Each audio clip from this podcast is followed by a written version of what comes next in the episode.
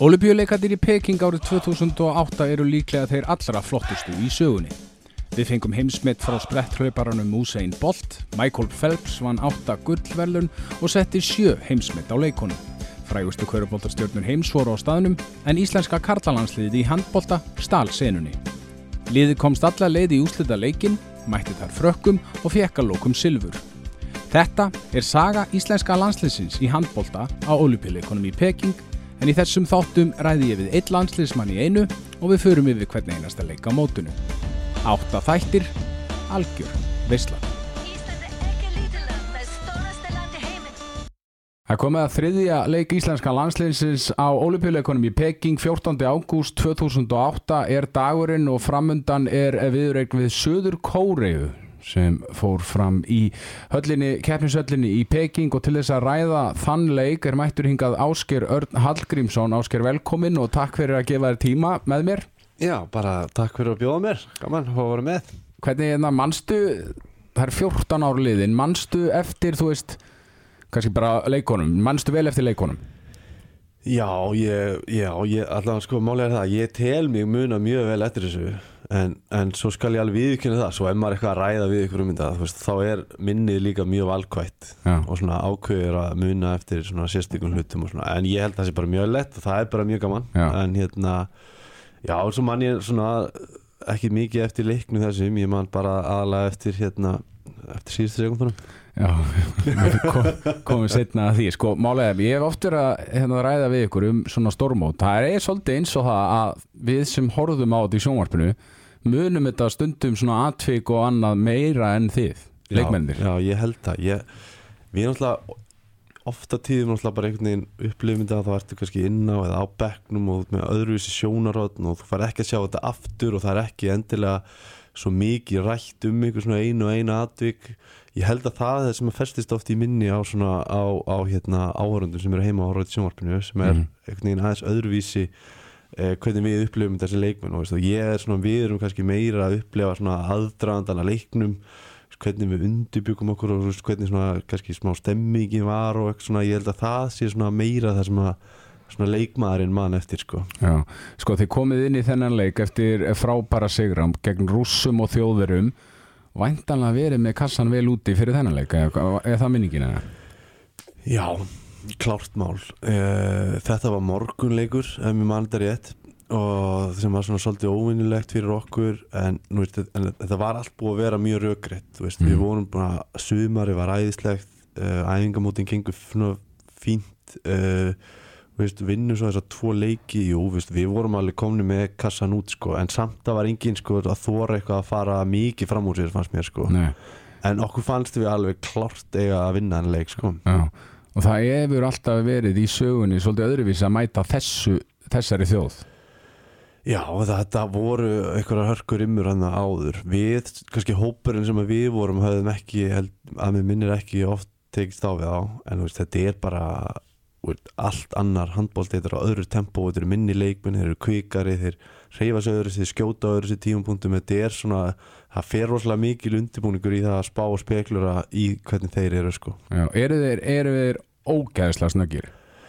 Já, þeir eru alveg lígilega snöggir sko. og þetta er fyrstu skref já, þeir eru svo kvikir sko, að þú bara þú veist, þeir eru svo ég, mín tilfinning var oft þannig að þeir eru svo kvikir að, þú, að þeir ráðu ekki alveg við þetta sjálfi sko. Þú veist, þeir ná ekki alveg að full nýta þessa, þessa, þessa hraða þessa fintur sem hafa sko. Svo ha hafa þeir verið sko í gegnum tíðina líka bara way back sko með einhverju sirkusmörk og alls konar þannig voru þeir að vinna með það í þessum leik mannstu eftir því?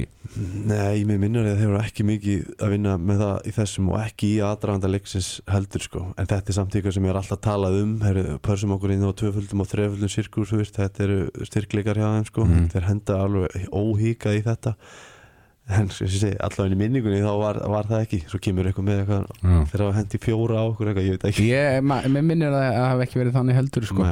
Sko, þeir eru öflugur í fyrirháleik og staðan í háleik er, er sko hérna 10-9 Mhm. sem er mjög látt skor Mhm. var þetta, man, man, manstu eitthvað hvernig akkur var svona látt skor, var mikil markvarsla eða mikið um klik. Já, ég held að bara, þetta var bara svona gæðin allan sérstaklega í fyrirleiknum voru ekkit sérstak og ég held að mögulega ef ég á komið eitthvað afsagnir þetta var eins og ég segi þessi morgunleikur og þetta var svona, það var eins og allir væri svona allir meira að trekja sig í gang sko. Mm og tók bara bæði liðin svolítið tíma sko. Eh, en svo svona kom skorun aðeins upp setna og það var svona meira hraði í þetta. Já Sko, var það eitthvað svona, komuðu þeir ykkur eitthvað í opna sköldu eða eitthvað svona einhver afbrið sem voru að spila eða eitthvað stygt sem þú mannst eftir eh, sem bara svona eitthvað þótti mjög erfitt? Mm, nei, ekki svona einhver einstök atrið, með, þeir voru bara með þessa, þeir voru með svona eins og segi, þessa kviku leikmenn, þeir voru með eitt leikmenn sem var að sem að ég mann svona sérstaklega eftir voru með eitthvað mikið aldrei að spá í á miðjumæður sem var svona kannski óþekkt og var eitthvað að spila í Sviss held ég, hann var með svona alls konar skotfintur. Mm og var svona stökku upp í lofti og, dripla nýður aftur og flæða einhvern veginn í gegn þannig. Það var, það var eitthvað svona hlutir sem að við, við vorum búin að tala um fyrir leikin og náðum ekki svona alveg að tökum á í leiknum sjálfum sko. Já, sko, lið Gumma Gumm náttúrulega ætti aldrei að vann með þetta sinn anstæðing, hann er nú bara þannig típa uh, heldur að hafi við samt sem áður búin að vinna rússa þjóðverja og verið eitthvað vannmatt í gangi? Mm, já, nei, ég, nei, við vorum einhvern veginn sko, ekki þannig innstiltir að við höfum lift okkur eitthvað þannig, held ég sko. Vannmatt, nei, en, veist, við náðum hins vegar, kannski var þetta svona heilt yfir kannski sísti leikurinn okkar á mótinu en ég held ekkert endilega að hafi verið sko vannmatt sko, ég, við vorum bara ekki komin á þann stað sko. Nei. En hvernig er undirbúningurum, þú veist, bara svona almennt fyrir þess að leikið, óbúðslega langir vídeofundir og tæknin á þessum tíma var ekki eins mikil og hún er í dag en það fór óbúðslega mikil vinna væntalega hjá Gunnar Magg að klippa þetta allt saman og voruð þið á okkur vídeofundum í einhverju klukkutíma fyrir hvert leik? Já, það er nú reynd að hafa þetta ekki allt og langt. Reynd, vil ég meina, en það tókst nú ekki alltaf. En jú, þetta er samt, að því að rithmin á olbíleikunum er þannig að þú, uh, þú veist, það er leikur kvíldadagur leikur. Mm -hmm. þannig að það er allavega tveir alltaf sko, fundir sem er farið yfir anstæðingin og kannski eitthvað svona léttur á leikdegi um, e, já þú veist þá er bara da, leikdagurinn þá eru menn bara alltaf að spila leikin og svo eru menn svona í ríkur recovery og að jafna sig og svona ennþá kannski framan að degi daginn eftir en svo verður bara að byrja að undirbúa þig fyrir, fyrir næsta leik þannig að Mhm. það er svona ein létt æfing einhvern veginn alltaf á milli þannig að veist, þetta er svona hápunktar og svo dettur aðeins niður og svo reyna menn að koma spennustíðin aftur upp og svona og jú, það er rosa mikil, mikil undirbúinsvinna að horfa á þessi vídeo og spá og speklur á.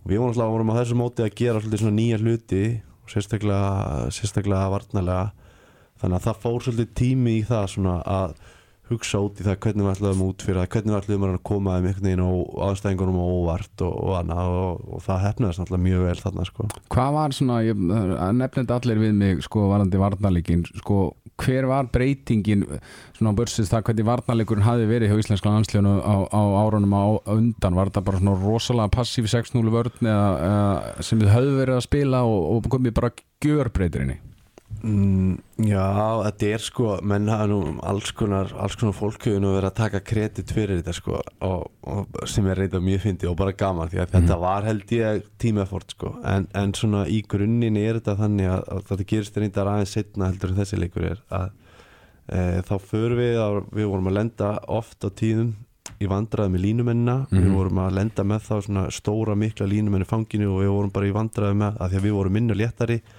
náðum ekki að vinna, vinna þá stöðu gerir það að verkum að þeir sem eru næst ystir í vörninu svona bakverðinu í vörninu ef að lína komið hliðin á þeim og þá fóru bakverðinur út og átturinn er bara svona maður og mann á skittunar mm -hmm. sem að losa okkur undan þessu vandraði með hérna línumenna Já. ég held að það sé svona grunnurinn að þessu eh, ég held að þetta hafi verið stólið hjá okkur eins og allt annað í, í, sem gerist í handbólta bara út úr við sáum Danina leysa þetta svona Já. að einhverju leiti Já, við tókum þetta bara skrifinu lengra og útfærum þetta bara miklu betur. Já, og ég held að það sé eins og þannig sem við gerum þetta sko. Olupillegandir í Peking 2008 einhverjum merkilegust olupillegar í, í sögunni.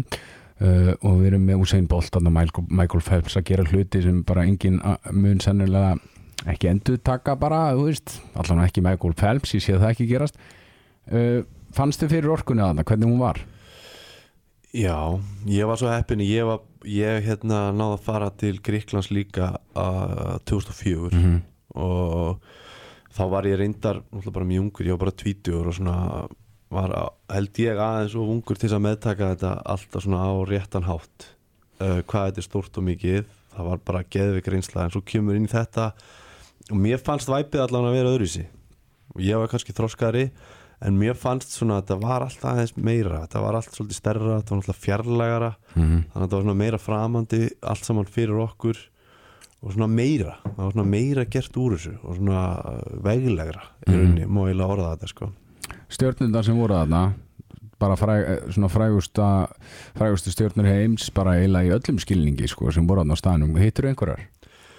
Já, við hittum alveg, þú veist, ég meina bara í þorpinu þá hittir hittir, þú sérð að minnstakosti þessar, allar þessar stóru ég meina, Bolt var oft bara í matsalunum þó að ég held að hann hafi nú ekki verið í þorpinu.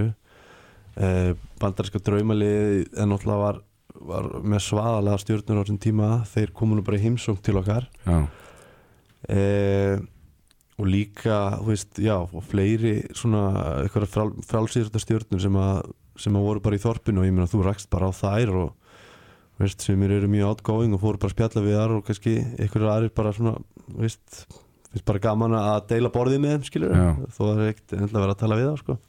en jú, þú, það er tölur umgangur það er alveg þannig sko. og þú áttur eitthvað spjall við bara einhvern NBA-leikmann til dæmis Já, já, þeir komu þannig og þá voru við bara eitthvað að spjalla við á og, og hérna og taka myndir og allt þetta. Þetta var náttúrulega bara, þú veist, hálf surrealist sko.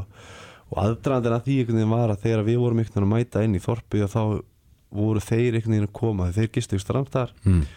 þá voru þeir að koma inn í þorpi og þá var náttúrulega bara svona svolítið buss í kringum það og við erum að fara í gegn security og, og við hittum þannig og ég næði einhverju mynda mér með Kobe og einhverjum fleirum svo held ég bara að þetta sé búið og, og, veist, og við, ég man ekki heldur fyrir að borða og svo komum við aftur í það sem við gistum veist, þá eru þeir bara þar Mm. veist, ég veit ekki hvað eru margir í liðinu, eru kannski 12 eða eitthvað, þá voru bara 8 komnir Já, það var bara ekkert að næstuðum taka fleiri myndir og, og hérna spjalla aðeins við þá og svona þetta var bara aðeinslega gaurar sko, Já. sko. það var engin svona einhver róka gikkur að það Nei, ekki í minningunni sko Nei. Nei, alls ekki sko En hvernig, svona, ef þú horfið tilbaka, nú ertu hættur að spila handbólta, hvernig fannst þér þitt hlutverk vera í landsliðinu? Þú veist, þú, hefði þú vilja vera meira númer eitt hægra megin eða, varstu, bara, varstu ánað með þitt hlutverk í landsliðinu?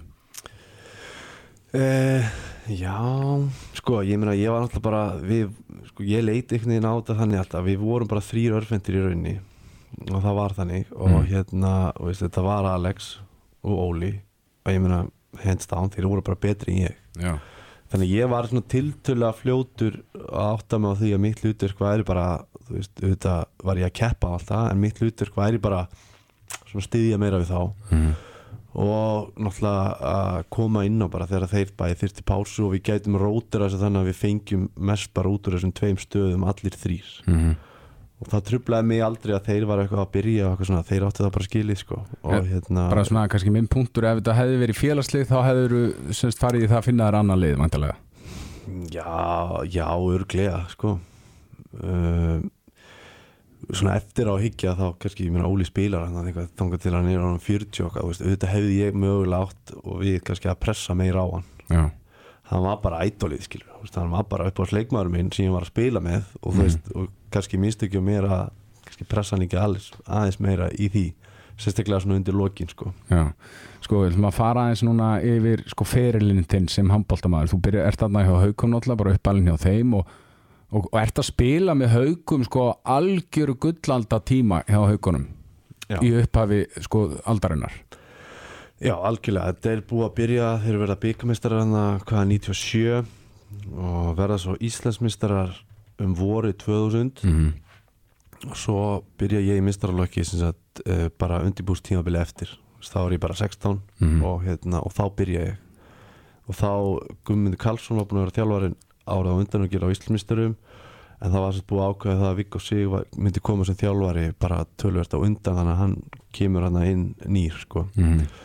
og jú, ég meina það þetta voru ég fer svo út 2005 og ég meina við verðum Íslandsmeistarar hvaða fjóru sinnum og tvið sinnum byggameistarar eitthvað að deildameistaratillum og veist, jú, þetta var alveg geðveikt skemmtilegu tími og æðislegur og bara ég er ógislega lánsamur fyrir það að félagið hafa verið á þessum stað akkurat þegar ég er á þessum aldri og halast upp í þessu, ég meina þetta mótaði minni alveg svakalega og veist, ég ekkert, hefði ekkert verið sami leikmaður ef að þetta væp hefði ekki verið í gangi á þessum tíma sko.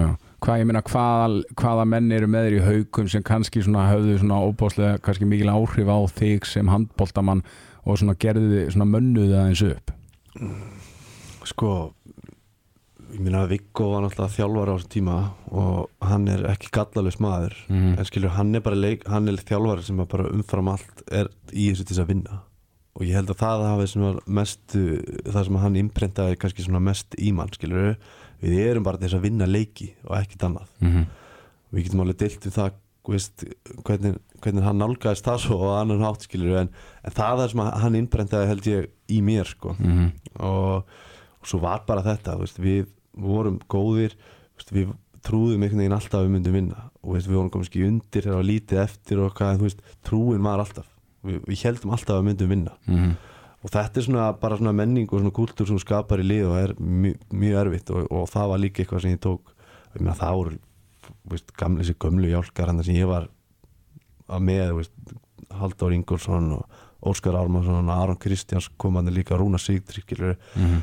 þú veist þetta voru svona stórir karakterar, veist, góðir úgeðslega góðir leikmi sem er svona einhvern veginn kunnu þetta allt og svona voru ekkert eitthvað að kenna mér, var ekkert að segja mér áskil gerðu svona og svona heldur er þetta bara svona þú veist, learning by observation skil, þú ert bara að horfa á hvernig þeir haga sér sko. En er líka bara að koma moment það sem þú ert kannski lengi tilbaka í vörðni eitthvað þannig, kom einhverju þá típa og gjörsanlega leti bara heyra það því litt mikið?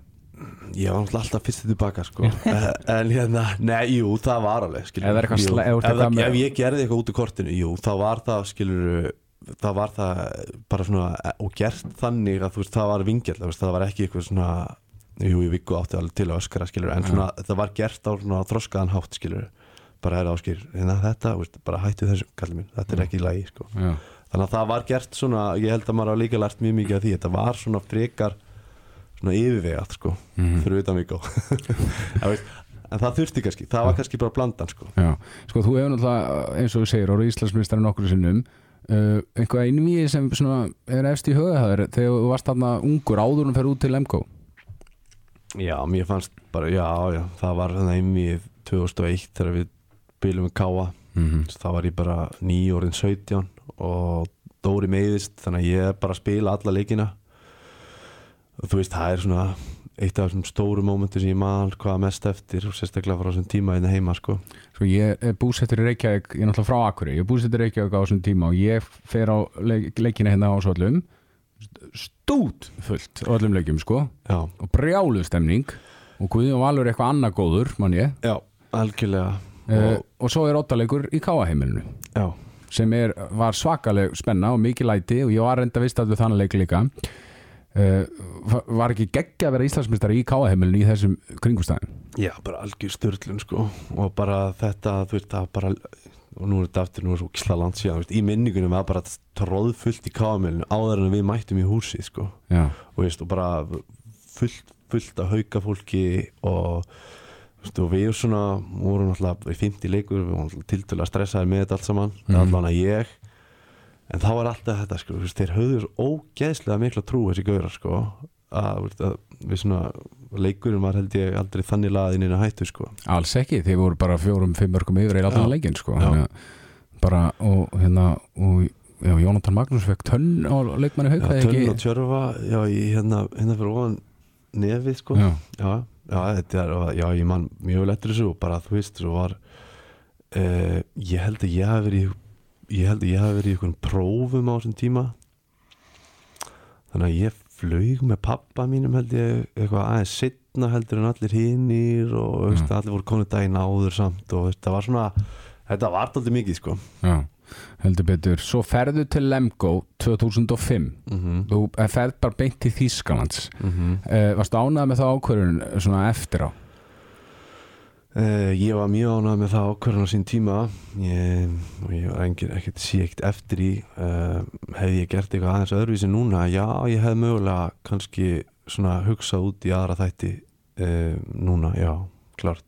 Og þá aðlaða það bara, veist ég var náttúrulega bara að fara að sér heiminn skilur og það Mhm. er að það allir þeir eru tvítur það á að vera þannig. Mm um, þar sem ég kannski hugsaði ekki alveg út í hvað hvernig svona var samsett og hvernig ég persónulega myndi passa inn í þú veist, við, ég er bara eitthvað logi er þarna við þessu, hjálpaði mér ókislega mikið en svo kem ég bara eitthvað frá Íslandi veist, ég er bara 21 árs og þetta er eitthvað lið sem er samansett af einhverjum, þú veist, 7-8 þýskun landsmönnum, þeir eru allir 30 og eitthvað mm. þú veist, þetta var svona mm, veist, æðislegi gaurar bara fagmenn fara með fingurgóma en þú veist, ég er ekkert að fara að chilla með þeim sko, veist, mér leiði ekkert eitthvað svona geðugt vel svona að veist, hvernig ég orða þetta. Mér Mhm. leiði ekki illa, en þetta var ekki svona eins og ég hafði myndað eitthvað mikið vinskap Mm innan liðsins sko. Ég bara logi væntalega við mikið verið að hanga með honum. Já, mikið mér loga, Filip Jíka sem er þjálfari á Kíl, hann kemur inn á sama tíma. Já, við vorum taldið saman líka eh, en, en, en svona öðru leiti skilur, þá voru þetta bara mér í megum þetta var bara kallar skilur mm Mhm. það voru bara fullorðni menn sko. Þið, ég meina þú verður eurumistari með Lemgover já, við verum með Európmistarar fyrir árið sem ég var í Lemgo. Uh, sko Lemgo hafði orðið þýsku mistari ég fyrir 2003 og lenda svo veldi í þriðja 2004 og svo kem ég hann 2005 og þá er, svona, er þeir svona aðeins bara að halla undan hjá þeim en þeir ná svona góðu momenti í Európa-kemni mm -hmm. og logi á til mjög stóran þátt í því. Og ég var mjög heppin líka við fikk að spila rosalega mikið í þessum síðustu tveimur einmi þá meittist einn, einn hotnamaðurinn þannig að ég fór að spila eða alveg helling. Þannig að það var svona alveg klárt eitt af þessum highlightum sem var í, á lemgotímanum sko. Já, fer síðan yfir til G og G. GOG, Já, hvernig fannst þér að vera í Danmörku? það var bara æðislegt það var úkislega gaman líka. Það, það, veist, það var svona þú veist, þá voru ég að hugsa já ok, nú er ég búin að vera tvö orði í Þísklandi þetta kannski veist, gekk ekki alveg eins og ég ætlaði mér. Veist, og þá þurfti ég bara að taka eitt skreið tilbaka. Mm og ég, man, ég hugsaði þetta miklu meira og ég hugsaði bara að eftir að þessi möguleikar komu upp að þá hugsaði ég bara að þeir sem standa sér vel hann í og gogg, þú veist, hvert eru þeir að fara? Ég hugsaði þetta þannig veist, þeir eru að fara í stóru liðin í Þískland aftur. Þannig að ég hugsaði bara ok, þetta er bara eitt skreið tilbaka árið ég teka eitt fram. Já, og það var mjög árum á hérna ákvörðun og það var rosa gaman í gogg og hérna allan framanaf og bara svona allt öðruvísi ekki jafn stórt, ekki jafn svona professional umhverfi en veist, kynntist alveg ógislega flottum leikmunum og veist, einn af þessum stóru leikmunum í, í, sem að voru svo svona þessi stóru, stóru leikmun bara í handbóltaheiminum sko, voru að koma upp á þessum tíma þannig að við vorum við vorum ógislega góði sko og hérna náður reyndar ekki að vinna neitt titil, töpuðum held ég fjórum úrstalegjum sem var mjög sveikindi en hérna, en bara veist, æðislegu tími sko og náttúrulega með snorrastein með mér. Já, og við náttúrulega vorum svona hann var að klára þá klára sinn samning í mynden mm. og við svona teimiðum okkur upp svolítið. Vorum svona veist, já, þannig lagað, við Já. vorum báður lausi við okkur langaði báðum til Danmörkur þannig að við svona vorum smá teimi í þessu. Já, allan töluðum bara mikið saman. Og einhvern veginn vistist alltaf verið þannig að við vorum með báða opsjónuna veist, alltaf sömu liðin sko. já. E, e, bara fyrir ungan handbóltamann í dag myndur þú mæla með því að byrja í Danmörku? Sem atvinnmaður mm, Já, ég held að ég er ekkert að segja að það sé eina leiðin. Eh, það er aðeins minni brú. Og Mm. þú kynnist, þetta er svona minna skref, kultúrin er svipari og, og Íslandi og, og svo þetta er bara, veist danska deildin er alltaf bara frábær deild. Og þú lærir rosalega mikið bara svona góðan og svona skemmtilegan handbolta. Og jú, ég held að það sé mjög góður mjög góður, gott skref út sko. Mm Svo fer- bara leiðin aftur til Þýsklands hann over Mhm. Búrdór mm þá lendi ég því að hérna, GOG fer á sko, GOG fer eiginlega á hausin liðið fer á hausin bara í hérna uh, hvenær fara þær hausin þeir fara bara í hausin eftir mann í desember og janúar og meðan ég var á stórmóti þá er Gummi Gummóni þjálfari hjá okkur og, og það var mjög leðilegt og svona daldið, daldið hérna erfiðu tími sko. Uh, Gummi var komin og við vorum með svona daldið mikla vonir og vorum, búin að, vorum með rosa flott lið og náðum fínum ánugri svo bara er ykkur menn hann sem er að stjórna þessum peningum voru bara með gjössalega með allt í sig. Og stóð ekki veitt eða neitt og veist, ég meina, liðið fyrir hausin held ég ykkur mann í desember. Veist, ég fekk samningstilbóðum framleikingu veist, í já, og veist, bara veist, alveg fínar hækkanir og allt sko, bara allt leitur rosa vel út sko. Já. en einhver svona sagði mér að ég þyrfti nú eitthvað aðeins að býða með þetta veist, svo bara svo bara félagi fyrir á hausinn sko, sex vikum síðar sko. En þú ert hérna inn á Wikipedia líka ferðin á milli í leið sem heitir Faborg já. Er það ástæðan fyrir því að þú ferð til þeirra bara eftir ármóti? já, þá var það þannig að hérna mm, þá alltaf bara kemur þetta upp svona smá panik með þetta ég var búin að vera, fór í svona hérna brjóskaðgerð um sumarið var búin að spila ekki og var bara, byrjaði bara að spila í nómber Mm. og svo fara það á hausinn og ég er ekkert eitthvað með neitt rosalega marga opsjóna þá ekki nema Aron Kristjáns er að fara til Hannover Mm. að þjálfa hann er búin að vera í sambandi við mig og ég var svona að melda það og uh, stekk svona er svona eiginlega búin að ákvæða með að fara þangað og þá vant, en það sá samningar átt að taka gildi sko í júli Mm. Þannig að mér vantaði rauninni bara lið uh, til að taka til að spila með frá februar fram í mæ og það, ég reyndi alls konar ég var mjög opinn, ég var tilbúin að fara í alls konar eitthvað ævintir, eitthvað þessu miðasi og eitthvað svona og eitthvað en það gekk ekki alveg einhvern veginn og ég leist ekki á þetta. Mm og þá er bara lið sem er hérna í annari dildinni uh, rétt hjá bara uh, nánast samstað og hitt og var að, svona, með mikla drauma. -hmm. Ég kom bara með tilbúð sem að var feik, feiki gott. Og ég sá bara fram á það að geta verið búið á sama stað, klárað þetta. Vistu, svo gengið inn í hann og fyrir til og það var alveg klárt, þetta var bara eitthvað svona þryggja mánu samningur. Og þá ákvað ég bara stökkva á það sko. Já, sko 2010 þarna ertu bara á sko besta aldri. Mm -hmm. 26 ára gamall. Mm -hmm. uh, ferðið aftur til Þýskaland til Hannover Búdóf uh, helst og myndir síðan bara klára þeirrilinn í Þýskalandi eftir þetta Já, ég held það. Því að það var eh, bara heldur betur ekki eftir að gera Já. þú ert, ekki, þú ert bara ferð síðan til Paris Saint-Germain 2012 mm -hmm. og klára bara þennan atvinnumannaferil í Fraklandi Já, í sex ár. Já.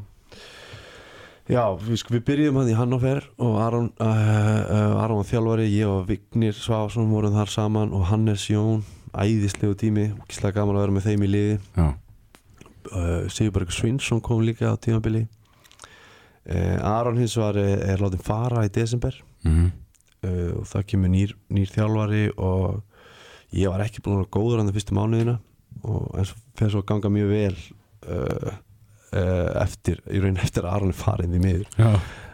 Slegilegt að það er. En það var allavega þannig og hérna og svo bara, þú veist, fekk ég tilbúð frá París þú veist, sem bara var ekki hægt að hafna sko. Og þá var þetta París ræðin til að byrja. Þá var, sagt, þetta hétt París handból fyrst og var svona að verða aftur að PSG mm þeim vantaði bara að sæna einhverja leikmenn sem voru tilbúin að taka sjensin, þetta var hlutit sjens -hmm. þeir hefðu mögulega geta farið í aðra dildina á þessum tíma. Þannig að þú veist, þeir þurftu bara að einhvern veginn að borga einhverjum fyrir það að taka hana séns og, og hérna ég gerði það Robby var með mér líka. E, og sékt eftir því, það voru geðið tvö ár. Já, og hérna slag gaman að taka þátt í því. Ég lendi svo reyndar í svona smá vesinni í setna árið því að samningurinn minn var þannig að e, ef ég myndi ekki spila 50% af leikjónum þá myndi, þá var þetta tveikja á samningur en ég myndi ekki spila 50% af, af leikjónum árið 2 þá fengi ekki þetta þriði ár. Nei, þú veist að hvað ekki að mér að, þú veist, að, að þeir myndi ykkur mann hafa efna því að hafa einhvern leikmann upp í stúku uh, uh, hérna veist, í heilt tímabil Já. og þetta, fyrir þetta sko já, sem þeir svo hafðu fyllilega efni á Já. og gerðu já, uh, og þannig að á árið tvö þá bara sá ég hvað stemdi og mm, veist, ég trúði sem reyndar ekki alveg í öruglega eitthvað einn og hálfa mánuð eitthvað þetta var að gerast en, en hérna, veist, ég spilaði bara annarkvæmt leik bara já. alveg fast og voru bara upp í stúku hinleikin já ok Þeir voru bara með í 49% með eitthvað Já, já, alklárt og hérna mm, þú veist þú svo bara kom eitthvað ég man ekki hvað tímapunktar þetta voru svo fór ég bara til þér og sagði bara herri, þú veist, hvað er í gangi? Og hérna, ég nennis ekki nenni, getur ekki bara tekið þetta ákvæðið út? Mm og hérna og þú veist, þá fór ég bara í það að finna mér nýtt lið og þú veist, eftir þetta þá bara spilaði ég alla leiki. Já, já, já, spilaði, ég var allan í hóp í öllum leikjum og var með í öllum leikjum og, og hérna og leitaði mér bara hana, við okkur langaði að vera áfram í Fraklandi já, og hérna svo kom þetta upp frá Ným sem er í Suður Fraklandi og bara mjög spennandi. Lið á uppleið og hérna aftur svona smá kannski séns hjá mér að taka þetta lið. En ég sé getnin og voru æðisli fjögur ár þar. Já. og hérna og svona tengi úkslega mikið við þann stað í dag sko sem svona, veist, þegar ég horfði tilbaka Já, þið, meina, þið voru í Suður Fraklandi í sumar, eða ekki fjölskyldan? Jú, jú, við fórum bara aftur til Ným og vorum bara að hitta vini og þú veist, þarna er miðjusónurinn minn fættur og þú veist, þarna byrjuði börnum mín í, í skóla og þú veist, þarna svona eignaðist ég fyrst svona mm, svona eitthvað líf fyrir utan handbóltan að einhverju viti Skilur, þetta var ekki bara ég og liðið og einhverjum íslendingar í liðinu og svolítið mikið saman, þetta var þetta svona fór ég að kynast fóreldur og og svona eitthvað meira fólk í kring sko. já. Þannig að franska menningin höfðaði til ykkar. Já, já, klárt, okkur liður rosalega vel. Já. og þetta var rosa, rosa gaman sko. En eh, í hvaða liði þú veist leiðir best á bara ferlinum sem, sem atvinnumæður? Þú veist, hvar leiðir best og var, hvena varst þú bestur? mm, Já um, Púf, já, náttúrulega, var ég alveg að fara að koma með eitthvað þrjú liða því að það sem, nei, veist, þetta var ég átti svona eitt af mínu bestu tímabölu með hann og fer, Mm það er alveg klárt uh, en ég meina tíminn held ég ným þá, var ég líka, gekk mjög vel og það leið mér líka hvað mest og ég held að ég myndi segja ným sko. Uh, liði var ekki það besta sem ég hef spilað með en svona allt í kringum það var bara, veist, eins og ég sagði aðan hvernig svona, við komum okkur fyrir ég var það lengi og, og það var svona held ég þessi tími sem að, sem að já, ég er, já, hvað ánæðastu með sko. já. Sko, þú ert náttúrulega búin að uh, spila undir alveg fullt af þjálfurum og nú ertu orðin þjálfari sjálfur í dag. Hvaða, svona, hvaða þjálfari hafði svona mestu áhrifin, áhrifin á því? Má svo sem verið ákvæmt og líka má alveg vera mjög neikvægt, sko. já um, þjálfararnir, ég held að maður tæki eitthvað frá öllum veist, þú svona pikkar út og þá er þetta annarkvort eitthvað sem þú pikkar út sem þú er jákvæmt veist, eitthvað, nei, svona ég alls ekki að gera þetta. Mm, ég meina engi spurning um það að Gummi Gummi það er rosalega mikil áhrif á, á, á hvernig ég hugsa handbólta og hvað ég sé og hvað ég geri. Uh, veist, og hann er svona veist, var bara það lengi með landslið og lungað að mínu ferli, veist, það er hann sem velum í fyrsta skipti og svona sko svo var eitt hann í ným líka sem að veist, mér þótti ekki neitt varið í til þess að byrja með þá var Mhm. þá búin að vera þjálfar hjá úlningaliðinu aðalþjálfarinn okkar er reikin og þessi tekur við og veist, mér fannst hann algjör pappakassi, bara viðkynni það hann var með rakað undir svona henni hliðunum og tagl og, Já.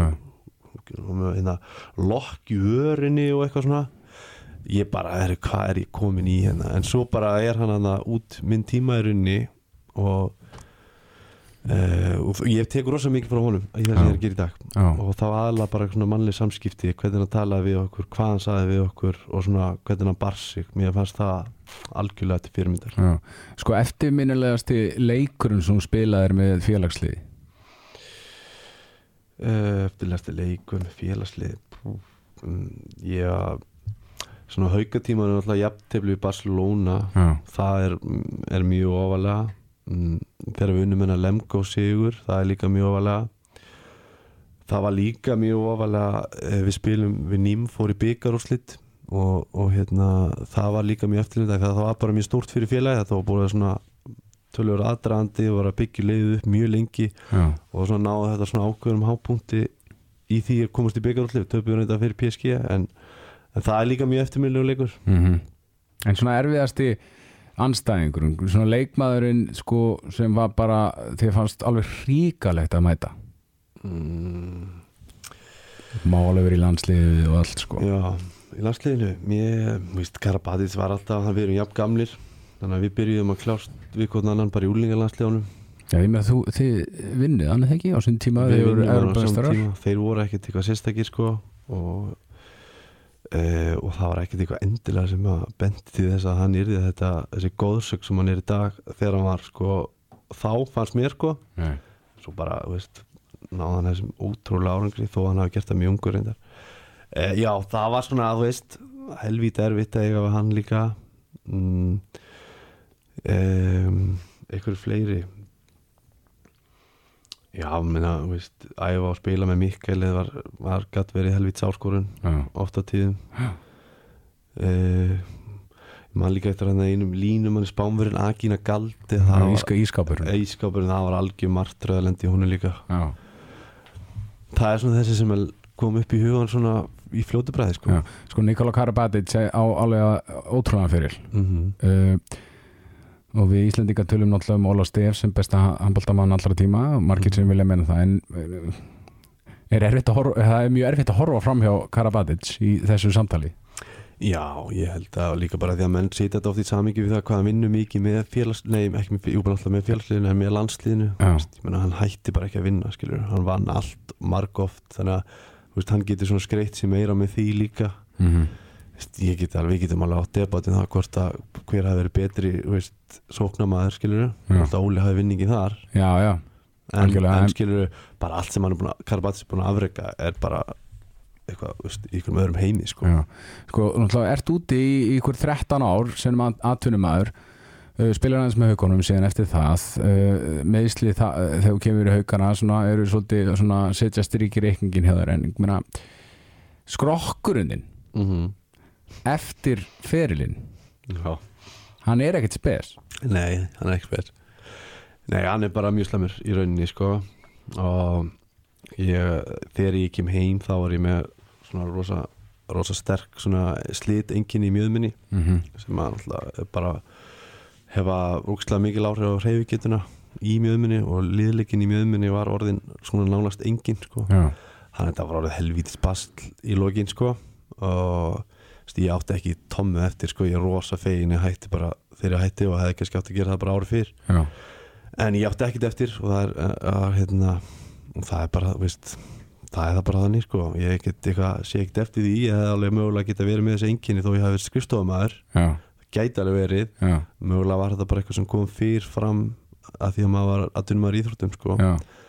En ég meina, jú, ég bara er að fara að skipta mjög bara, þú veist, bara á næsta ári sko. Já, það er, er rosalegt. Og segjum sem svo að þetta hefði bara gerst í sem ántur, eða út af því að þú varst í íþróttum. Mm -hmm. Eh, var þetta þessu virði? Já, klárt. Já, ég, ég sé ekki til neinu. Nei, Ég meina, ég sé kannski eftir kannski ekki verið svona st- stundum hefði maður átt að vera skinsamari með meðslinn og svona að sinna að láta kvíla meira og láta svona vera úti meira. Mér fannst bara, mér fannst ég alltaf geta klára eina einhver viðbútt það er kannski svona ég sé aðeins eftir en nein, ég sé, engu eftir, ég sé ekki eftir neinu sko. Robby Gunn sagði við mig í, í, í spjallinu okkar að- hann hefði sagt, eftir á hyggja, hann reynda skrokkurinn og honum er bara fínn eftir á, eftir fyrirlinn vil hann meina og uh, hann sagði að hann hefði mögulega átt að vera oftar bara meittur hjá liðinu skilja, hann alltaf reyna að, pressa á nýjan samning eða reyna að standa sér nægilega vel til að fá nýjan samning og, og hann hefði átt að ringja sinn veikan tölvöld oftar Já, ég held að þetta er svolítið viðlóðandi handbólta og ég, kannski er þetta líka bara við okkar okkar svona hóp sem var hann að landslæsrópin að sko e, að þú getur svona skipt endalist út á í handbólta þú getur alltaf krist kannski fimm mínútur og eitthvað í staðan fyrir að vera bara alveg úti Já, og bara, nei ég er ekki með á æfingu og ekki neitt þá voru voru svo margir held ég að lendi því að þú veist já ég reyni bara í dag, já ég prófa í dag skilur, já ég verða aðeins með hérna ég verða aðeins með í vörninni og svo æfum við þetta og þá kannski get ég verið smá hjálpað í leiknum skilur, í staðin fyrir að segja bara nei ég er alveg úti, ég næmir bara 100% og kem bara 100% tilbaka. Já, þá voru við oft eitthvað að reyna 70% í marga mánuði sko. já. Það er ekki holdt og það er ekki gott sko. Já, en geggja að fara yfir fyrirlinn með þér. Förum aftur í, í leikinn gegn Suður Kóriu uh, Þeir komast mest fjórum mörgum yfir í setni háleik 17-13 uh, Það var svona mikill munum með hvernig leikunni spilaðist og hvernig hann átti eftir að enda. Uh, Hvernig, þú veist, sást þetta? Hvern, Manstu eitthvað hvernig, hvernig þið mistu tökina þessu leiknum?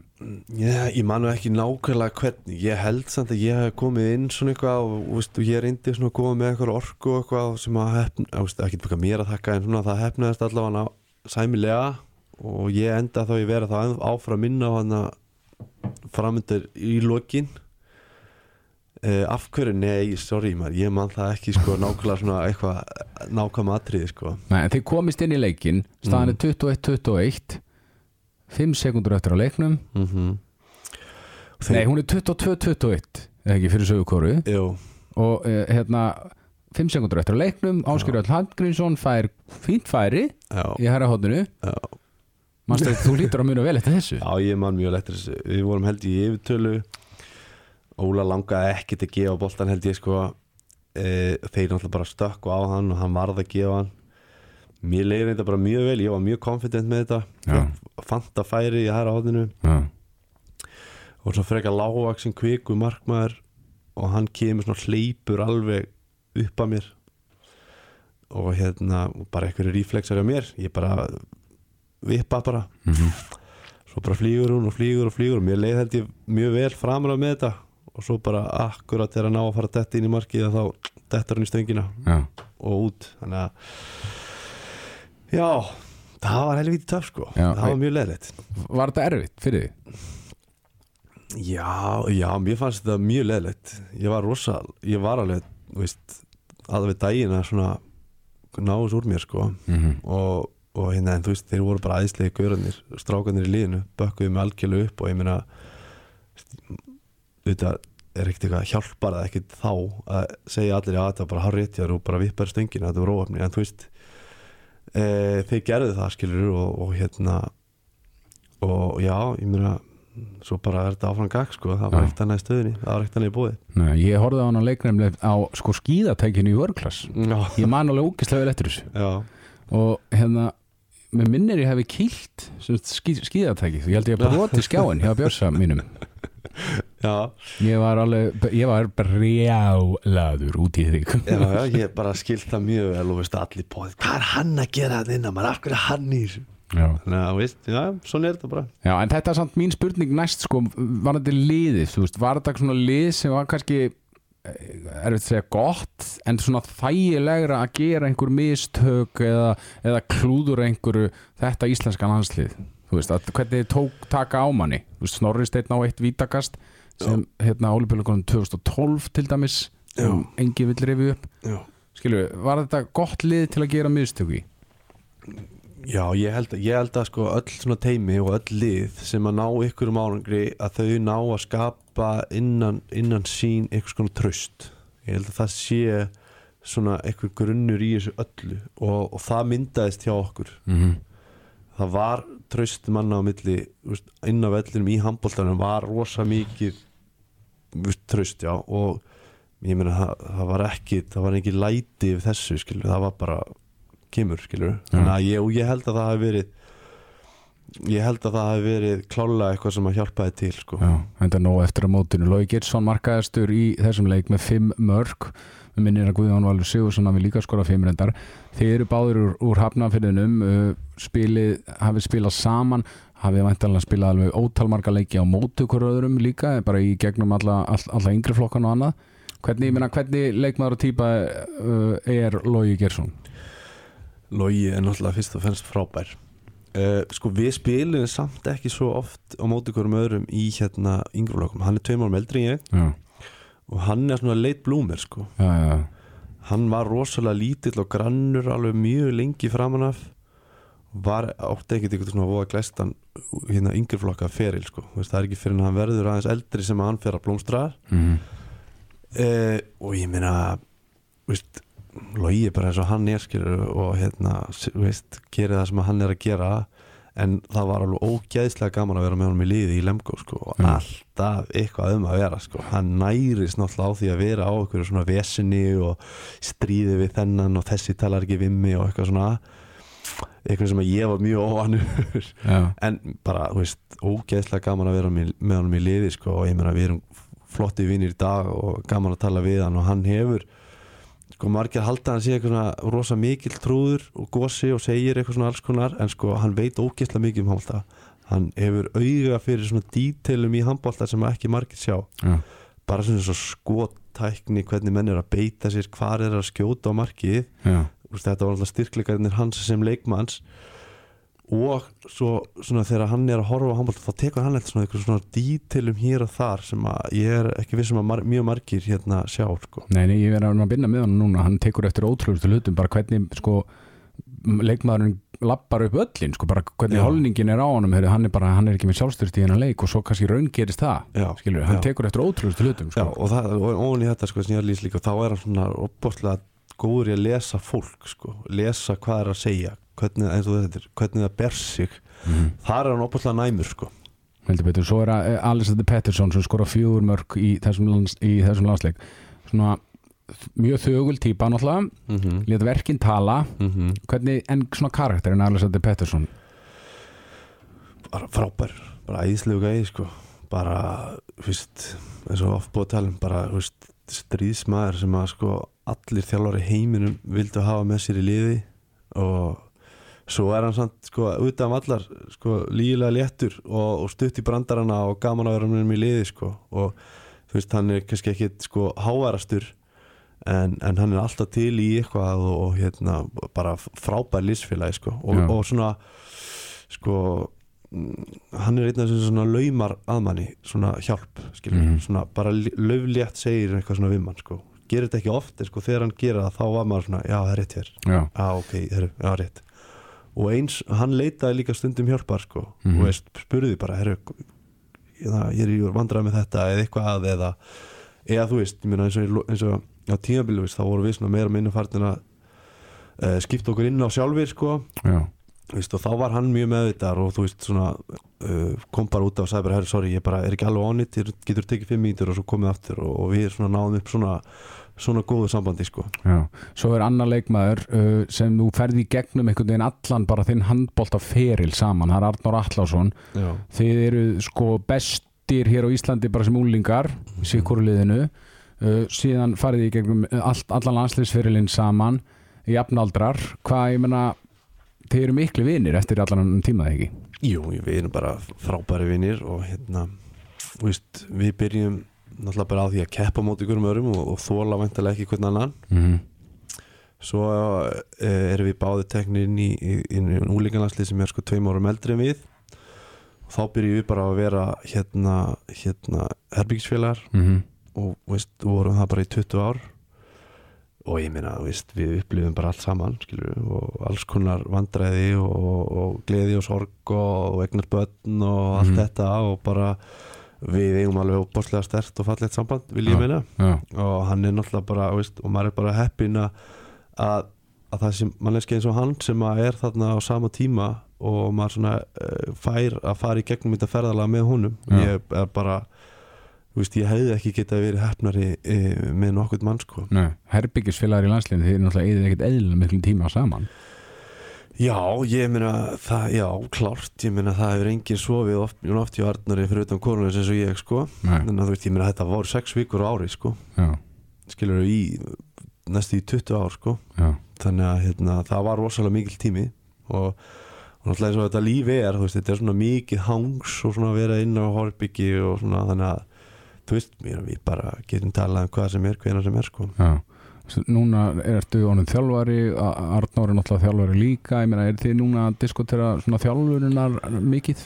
Já, já, klárt, ég meina, hann er náttúrulega bara einn af okkar allra, allra efnilegustu þjálfurum og ég meina klárt, ég bara ringi hann og, og ég leita ráða og, og, veist, og hérna, hann er líka einn af þeim sem er svo næmur á svona leiki og bara fljótur að greina leiki og sjá ykkur minnstur og svona þannig að já, ég, ringi mjög oft í hann og er, að- er að fóra á þjónum sko.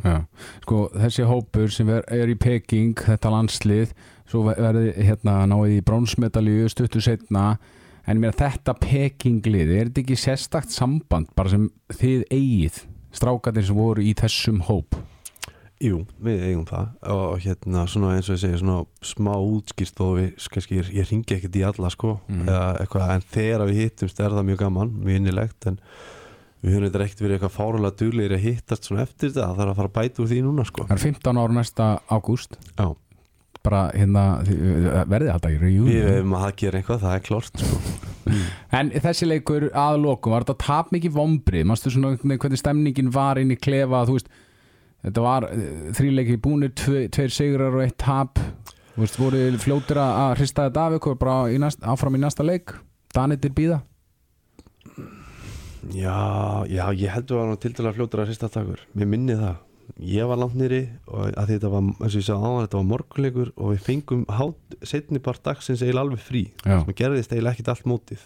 Þá fórum við eitthvað aðeins út og svona smínaði svona eitthvað aðeins að léttur. Og ég man ég fór með Arnóri og Snorra og Robba eitthvað og, og hérna það svona létti svolítið andan þá svona fórum við bara í burtu, við náðum ekkert að vera eitthvað mjög fúlir saman held ég Nei. fóru bara allir svolítið í sikkur áttina svona eitthvað og komum svo bara um kvöldið aftur og þú veist, þá voru allir held ég bara ég veit ekki, kannski er þetta bara eitthvað óskíkja þá voru allir bara búin að hrista þetta af sér og tilbúin í næsta sko. Já. einhver svona mannstu eftir einhverju svona atviki sem gerðist á leikunum sem þú veist, enginn hefur heyrt eitthvað svona skrítið eitthvað öðruvísi sem þú lendir í eða eitthvað svoleiðis Nei pú. Nei, ég man nú ekki eftir því, það er nú búið að kofvera ýmislegt sko, logi hefur farið aldrei vel yfir þetta. Uh, Nei, í rauninni ekki sko. Vist, ég bara, mér, það var svona hverstar, ekki hverstaslega heldur bara svona eitthvað. Ég man mikið eftir bara eitthvað svona þú veist, svona dítelin sem skýr ekki eitthvað fyndi að segja frá en þú veist, ég og Arnur vorum alltaf með eitthvað playlista í gangi til dæmis. Eitthvað lög sem okkur fannst skemmtileg mannst eftir einhverju lögum já, var eitt annað Beyoncé lag held Já. ég, Hérna, var ekki To the Left, To the Left? Já, já, já, mér minni það. Já, og allt í henni, ég man ekki hvort það var í fyrsta öðrunleik þá þurfti Óli að ná í sokka eða eitthvað til okkar og var eitthvað að fíla sig með okkur. Og svo allt í henni var hann alltaf farin að koma til okkar áður en við fórum í rútuna þurfti bara að heyra eitthvað tvö lög með okkur eitthvað svona, það svona það eru svona svona hlutir sem að ég meira man heldur en eftir einhverjum, stórum skandilum eða eitthvað já. sko. En, en, en tónlist í klefanum í landsliðinu Var alltaf músík í klefa? Vá, góð spurning. Nei, ég, jú, ég, jú, ég held að það hafi verið einhvað sko.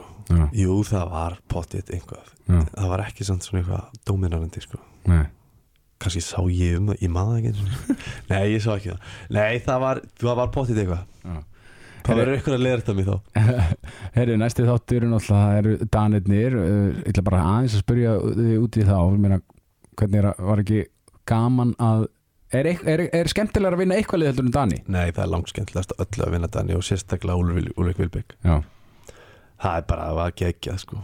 Og hérna það er bara eitthvað, þú veist, Danir og æðisleir það er æðislegt að búa hana en það er bara eitthvað spes við að vinna sko. þeir eru, þeir líta alltaf pínlítið á okkur, veist, við erum eitthvað svona litla sýstir dæmi og þetta er ógislega gaman að vinna. Já gerist bara ekki nú oft. Nei, gerðist ekki nót Ásgeir Öll Haldgrímsson takk hérlega fyrir að mæta og fara yfir þennan leik og, hérna, og gaman að spjalla við um, um ferilinn til hann ekki með hennan feril Takk, sem við, takk, takk fyrir að há mig. Og lítið. Herru, við erum í næstu viku. Snorri Steinn Guðjónsson, ég ætla að fá hann til þess að fara í gegnum leikinn gegn dönum